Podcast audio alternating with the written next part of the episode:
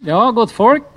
Dette er en stor dag både for innbyggere og næringsliv, både her på Averøy og Kristiansund. Og det er en dag med historisk sus. For første gang siden noen kom på å ta betalt for å ro eller seile folk over Bremsnesfjorden, så blir fjordkryssinga i dag gratis. Åre og segl ble etter hvert erstatta av kystdampbåter, og etter krigen kom bilfergene. Og Like før jul i 2009 så ble Averøytunnelen åpna.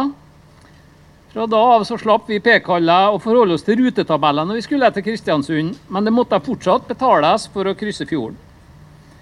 For innbyggere og næringsliv i de to kommunene som er avhengige av veiforbindelse for pendling og varetransport, så har det likevel bokstavelig talt vært lys i enden av tunnelen. I 2025 skulle altså bompengelånet være nedbetalt, og kommunene Averøy og Kristiansund skulle ha fått tilbake innskutt egenkapital. Og Så skjedde da altså det som eh, skulle vise seg å bli veien fram til vinnerloddet for de to kommunene. Et par eh, raske sceneskifter der vi i KrF gikk ut av opposisjon og inn i regjering, og der Frp gikk motsatt vei. Så ble det forhandlinger om revidert nasjonalbudsjett i 2020. Og Som innvalgt stortingsrepresentant for KrF har jeg sjøl vært med på slike prosesser de første åra av perioden, da vi var i opposisjon og Frp satt i regjering. Av erfaring vet jeg da at eh, opposisjonspartiene får gjennomslag for noen viktige hjertesaker, mens en møter veggen hos regjeringa på andre punkt. Da vi i KrF var i opposisjon, ga det oss anledning til viktige markeringer av egen politikk. Det er et eh, privilegium som Frp har overtatt den våren her. Og i respekt for Fremskrittspartiet konstaterer jeg at de òg har markert sin primærpolitikk på en god måte i det framforhandla forliket om RNB i 2020. Og I dag så er jeg i likhet med alle innbyggere på Averøya og i Kristiansund oppriktig glad for at Frp tok initiativ til forliket med regjeringspartiene om å legge inn tilstrekkelige midler både til å fjerne bommen og til at kommunene skulle få tilbake den innskutte kapitalen. Derfor vil jeg i dag gi honnør til Frp. Det er ikke tvil om at initiativet for å gjøre Atlanterhavstunnelen bomfri kom fra dem. Samtidig er det alltid slik at det er to parter i et forlik.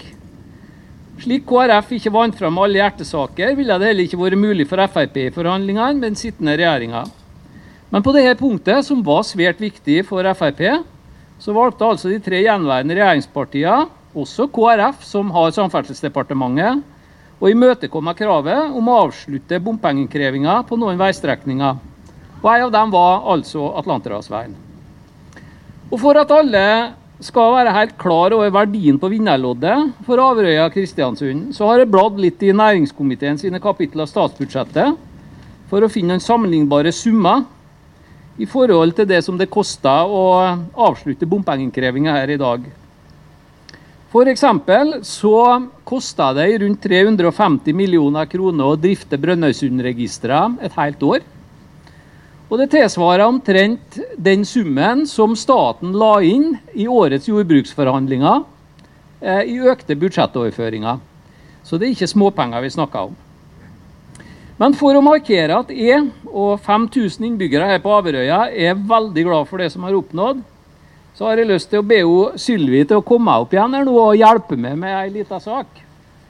Det aller første jeg har tenkt å gjøre, det er å spandere en skvett med sprit på, og det er jo ikke hver gang en KrF-er gjør. Første gang jeg har fått fra en KrF-er. så har jeg mm, her i lomma, Sylvi, eh, betalingskortet mitt i Atlanterhavsveien. Og her har jeg ei soks. Og Nå vil jeg at du skal hjelpe meg med å klippe på dette kortet, og det tror jeg det er mange her som også kommer til å gjøre i dag med ganske stort velbehag. Yes.